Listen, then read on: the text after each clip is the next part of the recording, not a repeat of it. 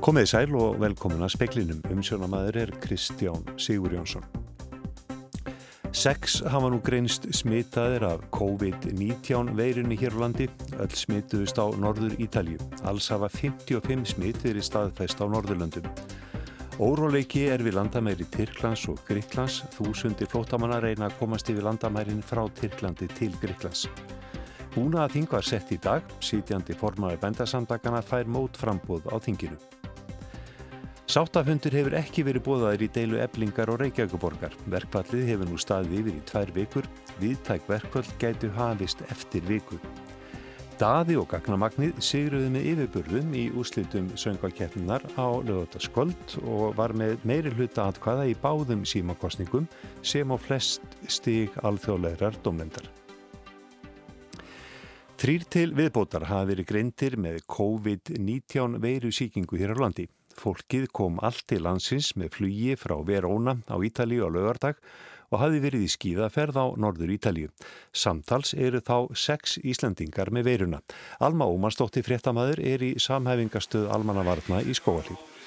Já, það var tilkynnt núna bara rétt fyrir fréttir að þrjú tilfelli veirunar uh, hefðu verið greinda á síkla og veiruflæði til landsbytala í dag og heldarfjöldi staðfesta tilfelli er þá orðin sex. En samkvæmt upplýstingur frá landlækningsembitinu er þetta fólk ekki mikið veikt. Það er verið að vera, nú er unni að því að rekja ferðir þeirra frá því að það kom til landsins á lögadag og þar til það var skikkað í sótkvíðin það byl sólarhing síðar. Og á síðustu tveimur dögum hefur smittrannsóknateimi almannavarna delta ríkislörgustjóra og lauruglannar höfðbókarsvæðin og sótarnanlæknis haft samband við um 115 einstaklinga. En öll, öll þessi sex korunveru smitt sem hér hafa greinst má rekja til skíðasvæða á norður Ítalija. Svo sem fyrst greindist þannig að það verið á skíðum þar og kom til landsins 22. februar og allir þeir sem að greindust í dag komu til landsins á laugardaginn með flugi æslandir til keflaugurfljóðla frá Verona. Þetta eru þrýr, þessi þrýr einstaklingar eru tvær konur og einn karl, allir á 60 aldri og búsettir á höfðburgarsvæðinu. Eh, þá þráttur að þeir séu almennt við góða helsu þá eru þeir með dæmigerð enginni sjúkdómsinn sem eru hósti, hitti og beinverkir. En maðurinn sem greindist fyrstur með veiruna, hann hefur verið nú verið útskrifaður af landsbytala og er í heima einangrunn og allir hinnir sem hafa verið greindir eru einnig í heima einangrunn. En uh, já, allir farþegar sem að komu með þessu flugi frá Verona hafa verið uh, skikkaður í sótkví en meiri hluti þeirra farþegar sem komu frá munn hér með Æslandir á, á lögadag hafði verið í Östuríki og það er ekki skilgrend sem hættusveiði og því þurftu einungis þeir farþegar sem höfðu verið á Ítalíu og þeir sem sátu nærri konu sem var um borð og greindist með veruna samtal sem 30 manns að fara í sótkví eftir flugið frá munn hér. Og að samkvæmt upplýsingum frá almanvörnum þá gæti svo farið að fleiri munir þurfa að fara í sótkjöðu næstu dögum og almanvörnum hvetja atvinnureikundur og stjórnvöndur á vinnumarkaði til að sína stöðu þessa fólks skilning. Eh, það er greinlega mikið um að vera þarna niður í uh, almanvörnum, Alma? Já, Uh, hér er mikið um að vera og, og fólk hefur ekki alveg tíma til þess að tala við okkur í útvarpið akkurat núna en við munum uh, ræða við uh, þá Víði Reynisson og Þórulf Guðnason í sjómasréttum okkar klukkan 19. Takk fyrir þetta Alma Ómarsdóttir og meira af COVID-19 verinu til helbriði sigurvöldi Danmörku gerar áð fyrir að um hálf miljón dana smitist af COVID-19 verinu. Fjögur tilfelli hafi verið staðfest í Danmörku hinga til og er enginn þeirra veik, alvarlega vekur. Rúmlega 120 danir eru í sótkví. Á bladamannafundi landlæknis ennbættis Danmörkur í dag saði Sören Bróstorm að gera stjóri hjá ennbættinu líklegt að 10-15% dana smitist af veirunni. Hann telur líklegt að rúmlega hálf miljón smitist. Norsk yfirvöld gera ráð fyrir alltaf fjórðungur þjóðaruna smitist og eru áallanir dana því nokkuð í ákvæðari. Broström bendir á að þótt mikill fjöldi smitist týði það ekki að sami fjöldi verði alvarlega veikur. 80% þurfi ekki aðstóð frá heilbriðisíðveldum. Alls hafa 55 smitt nú verið staðfest á Norðurlundum, 6 á Íslandi, 4 í Danmörku, 6 í Finnlandi, 14 í Svíþjóð og 25 í Nóri. Um 90.000 tilfelli hafa verið staðfest á heimsvísu í 58 löndum. Þúsundir reyna nú að komast til Gríklands frá Tyrklandi bæði á landi og sjó eftir að Tyrklandsforsiti ákvaða að opna landamærin að Evrópu. Gríkir eru hættir að taka á móti hælis umsóknum. Að minnstakosti þúsund hafa farið sjóleðina til Gríkland síðustu tvo daga. Í morgun kvóldi báti með tugi flottamanna um borð, lítill drengur druknaði og annar var hægt kominn. Yðnaður áþra Gríkland sakar Tyrknest stjórnvöld um að grafa undan stöðuleika á Gríklandi og í Evrópu. Landamæri Tyrklands og Greiklands eru 160 kilometrar. Greiklands megin hefur eftirlit verið hert til muna frá því að Tyrkir ákveða að opna landamærin sín megin og beita þannig Evrópusambandsríki þrýstingi vegna átakana í Sýrlandi. Um 4,6 miljónir flottamanna eru í Tyrklandi. Yfirvöldi í Greiklandi ákvaði í dag að loka á frekari hælis umsóknir til að koma í veg fyrir að mikil fjöldi færi yfir landamærin. ESB hefur búið til neyðarfundar í vikunni til þess að ræða ástandið. Að sögn saminuð þjóðana hafa 13.000 sapnast saman á landamærunum. Mörg þeirra hafa dvalið lengi í Tyrklandi og segjast vilja komast þaðan til þess að fá vinnu og eiga í og á. Yngvar Þórbjörnsson tók saman. Gunnar Þorgeirsson, formaður sambans gardirkjubænda og gardirkjubúndi í Ártanga, býði sér fram til formensku bændasamtaka Íslands. Þetta tilkynnti hann á búnaðaþingi nú á 15 tímanum en búnaðaþing hóst í dag. Hann býði sér fram gegn sitjandi formanni Guðrúnu Tryggvadóttur, sögfjörbúnda frá Svartarkoti í Borðardal. Ariel Pétursson, sjómaður úr Hafnafyrði, er meðal aðstumanna á danska herskipinu Tríton sem læðist að bryggju í Reykjavíkurhöfn í dag. Að loknun á mý stýrimannaskólanum stundaði hann sjóin en þegar kona hans fór í framhalsnámi í Danmörku ákvaðan að sækjum ingöngu í sjóliðsfóringaskólan og nú er hann yfir stýrimaður og ábyrgur fyrir leit og björgun sem og því er lítur að hernaðaraðgerðum engum æfingum. Aðspurður hvernig danskir undirmenn tæki skipunum frá íslensku miðurmanni, segir hann.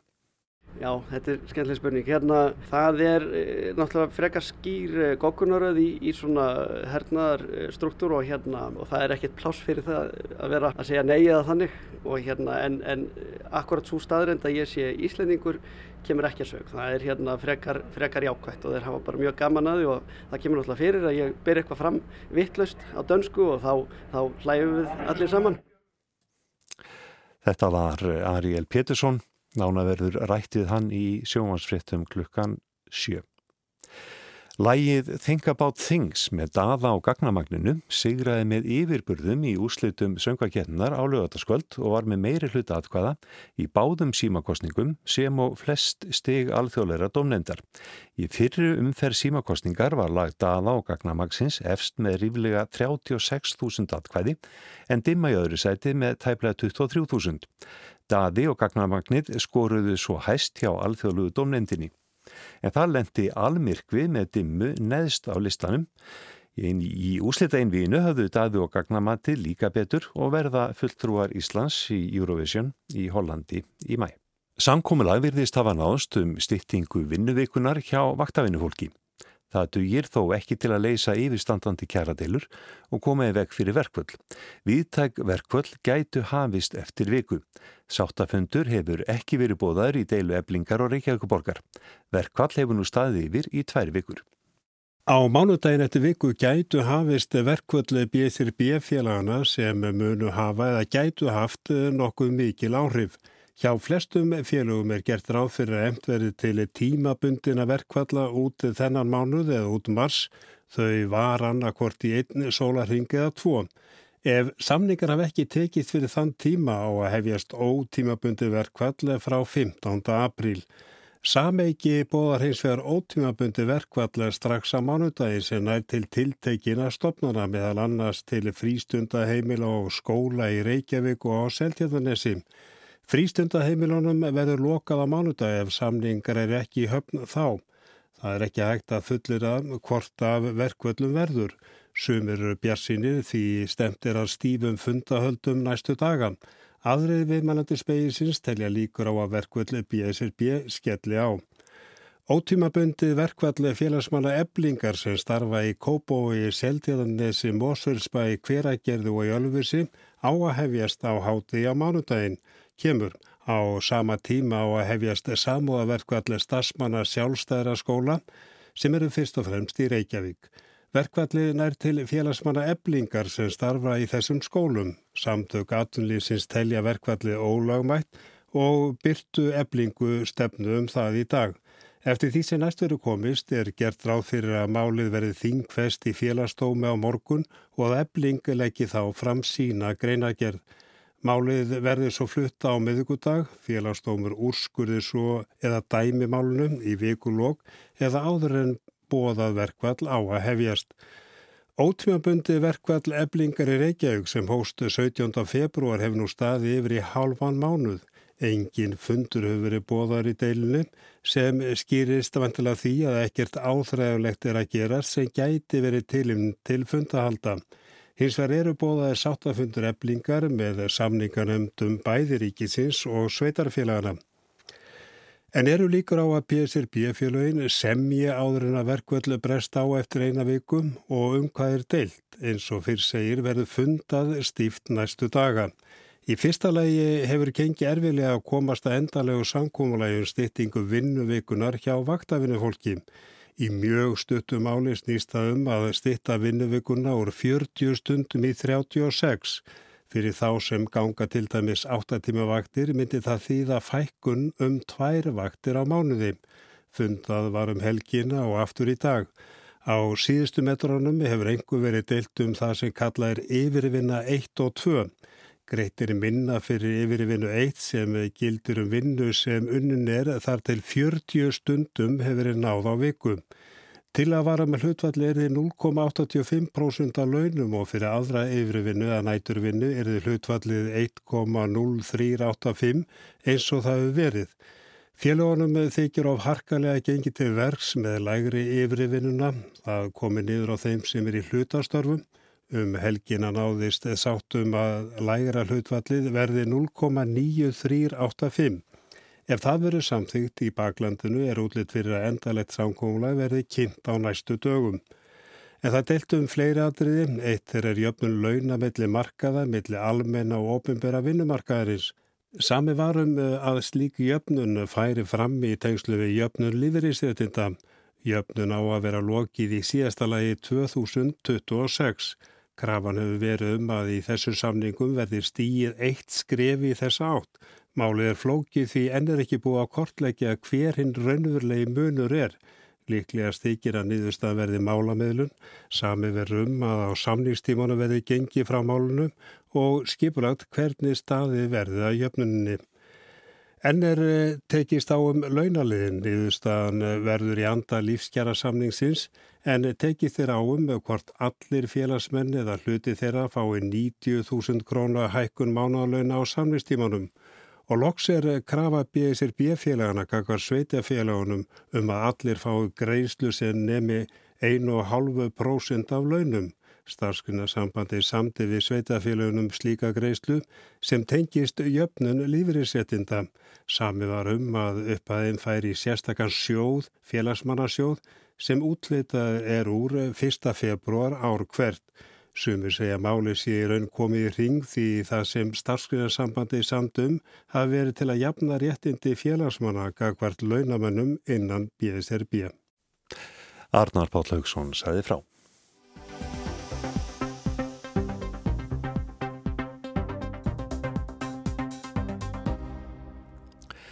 Það er óhætt að segja að veður farið í vetur hafi ítt hressilega við landsmönnum og stjórnvöldum. Í ljós hefur komið að ímsir innviðir eins og rámorkukerfið stóðu ekki eins tröstum fótum og tali var.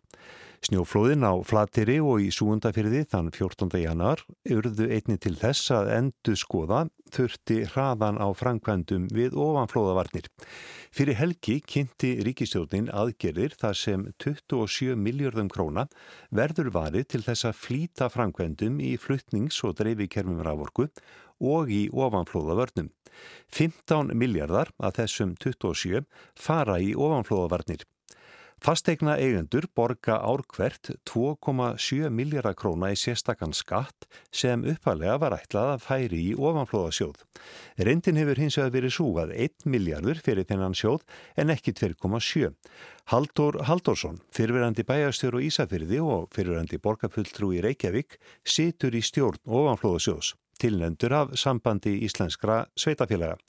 Hann hefur lengi gaggrínt þetta skerta framlag ríkisins í sjóðin sem hann segir að hafi tafið uppbyggingu ofanflóðavarna. Speillin settist nýður með haldur í dag og rætti við hann um aðgerinnar sem stjórnvöld kynntu fyrir helgi. Ég er mjög ánægð með að það sé búið að taka þetta saman á eitt stað. Mér sýnist að þetta séð náttúrulega eiginlega allt verkefni sem að hvort þeir voru áallun og stóru tölun að koma auðvitað því að þannig landsnets áallun og annað koma inn í. En mér sýnist þetta að vera góð vinna, já það er nefnd. En ég sé sjálf og sér kannski ekkit nýtt fjármagn í þessi sjálfu sér þó að það sé orða þannig ég get ekki greint þess að 27 miljardar fullu en ef við horfum á ofanflóðamálin að þá til 2030 þá munu innheimtast 27 miljardar af eigundum fastegna á Íslandi gegnum brunabótagjaldi. Eins og veri hefur, þetta er búið að vera 2,7 miljardar ári undanfættum árum. Sem eru eirnamertir ofanflóðavörnum Já það voru að minnst að kosta eirnamettur oflóðvörnum reynda breytti allþingi lögum fyrir nokkrum árum þannig að það er engar sértekjur sem mér finnst fáranlegt ég hef margótt sagt að mér finnst það alveg hrikalega afturför að einhvern veginn renni allt bara í ríkisjóð en við höfum náttúrulega samt sem áður í ofanflóðanemdini haldið utanum þetta og við vitum þetta er 2,7 miljóra ári. Og ofanflóðasjóður hefur haft miljardar ári á undanfjöldum árum í ofanflóða varnir þess að allþingi hefur ákveðið að einungis miljardur af þessum 2,7 fari í ofanflóða varnir og ef við horfum á þetta þannig að við fáum að nota miljard áfram á ári ofanflóða varnir og allþingi eða ríkistjórn og allþingi ætla að bæta við 15 miljardum til þess að þetta klárist 2030 þá er það 25 miljardar en það er munu innhemtast 27 miljardar Þannig að það er þarna 2 miljar aðgang sem, sem að væntalega þá fari einhver önnu verkefni og ég sé enga nýja peninga í þessu. Er það að segja þetta sé svona talna leikvimi? Þetta er svolítil talna leikvimi. Kanski koma einhverju peningar úr ríkisjóði í upphafi þannig að það sé að fara að setja að stað verkefni raðar í upphafi. Ég, ég skal ekki um það að segja.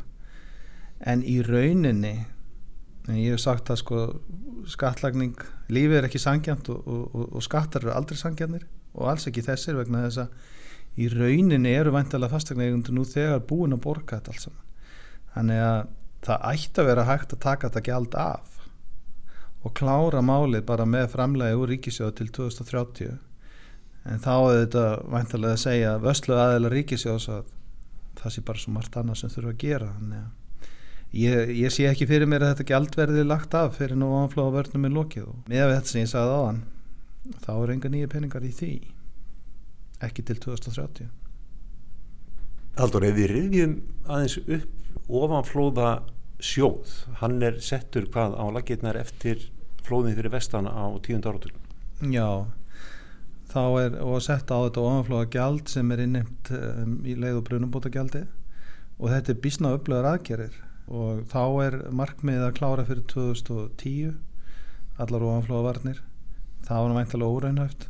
Reglugerinu var breytt og hún var sett til 2020 það reyndist vera óraunhæft náttúrulega fyrst og fremst vegna þess að fjármunum allt og litlu fjármunum var skamtað í þetta.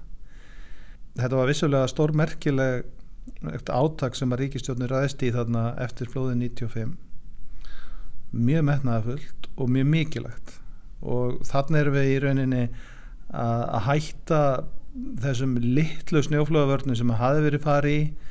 Einhverjir þúukollar byggðir og einhverja varnir gerðar sem að hafðu ekkert að segja þegar áreyndi og þannig er rauninni meira að fara að horfa til að, annara landa það sem er yfir hundra ára reynslaði að byggja alvöru snjóflöðavarnir þannig að það er búið að gera gríðarlega mikið. Það er búið að byggja varnir sem að hafa til dæmis margóft sanna sig á flateri þó að sé ljóst að það þarf að laga þér að það þarf að gera þér betri. Þorp hafa verið flutt eins og í Súðæk Þorpið í norðanverðun nýfstalvar keift upp. Og svo hafa verið byggða varnir bara bæði á, á vestfjörðum vesturlandi í Ólasvík Norðurlandi eistra og Östurlandi þannig að það er búið að gera greiðarlega mikið að séu alveg mjög stór verkefni eftir Hvaða verkefni eru það helst? Það eru, sko, það náttúrulega kemur í ljós núna að það þarf að fara yfir nokkra varnir. Það þarf að endur skoða varnirnar á flateri og það þarf að breyta um held að það sé ljóst. Það þarf að taka ákvörnum það hvort að ákveðin mannvirki sem að samkvæmt lögum eru ekki varin með fjármagnir frá ofanflóðsjóði eins og til dæmis smábátahöfnin og flateri, hvað er ég að gera þar. En svo eru bara stór verkefni eftir bæði á Patrísverði, Nýfstal eitthvað smá í Stálknafyrði og þá eftir að klára á Bíldudal. Svo við tökum vestfyrina það þarf að eh, klára Siglufjörð og svo er tölvur stór verkefni eftir bæði Neskustad og Seyðisfyrði það er minna eftir skulum við segja á Eskifyrði en það er svona meira þar í kringum uh, flóðin sem að hafa gett orðið í ánum sem að renna þar í gegnum byggðalögin Nú er þú í stjórn ofanflóðasjóðs eh, tilnæmtur af uh, samtökum íslenskra sveitafélaga er eining innan sambandsins að í hvaða verkefni á að fara? Samband Íslandska sveitafélaga hefur rauninni bara stutt á forgámsöðun sem að hefur orðið til í rauninni þar sem að, að ég myndi segja að hafi tekist ágjörlega til að fara í mikilvægustu verkefni fyrst eins og til dæmis fyrstu gardarnir eru reistir á flatteri og það var alveg og, og Þorpið súða eitthvað flutt það var alveg ljóst að það voru svona forgámsverkefni svo eru stórir snjóflóða staðir sem að hafa verið teknir bæði á vestfjörðum og östfjörðum sem að já og á Norðurlandi það sem að hérna, eru auðvitað búið að draga verulegur hættu þó að ég sé mjög gaggrínin á hversu hægt þetta hefur gengið að þá verðum við að samt að halda þetta í haga að það er náttúrulega búið að lifta grættistak í þessum málum. Hefur þessi vetur sérstaklega ítt við mannum? Já, ég held að það sé alveg ljóst.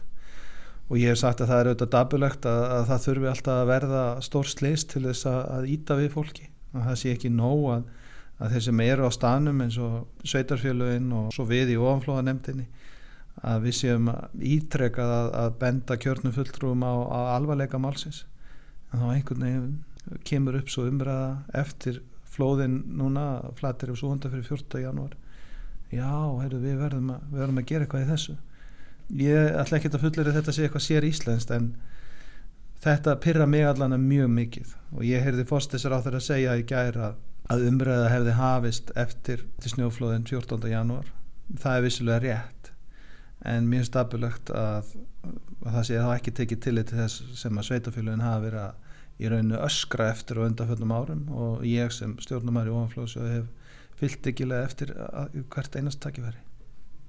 Við erum svolítið réttinga samfélag, það verður nú að segja eins og er. Þetta var Haldur Haldursson, stjórnarmæður í ofanflóðasjóði.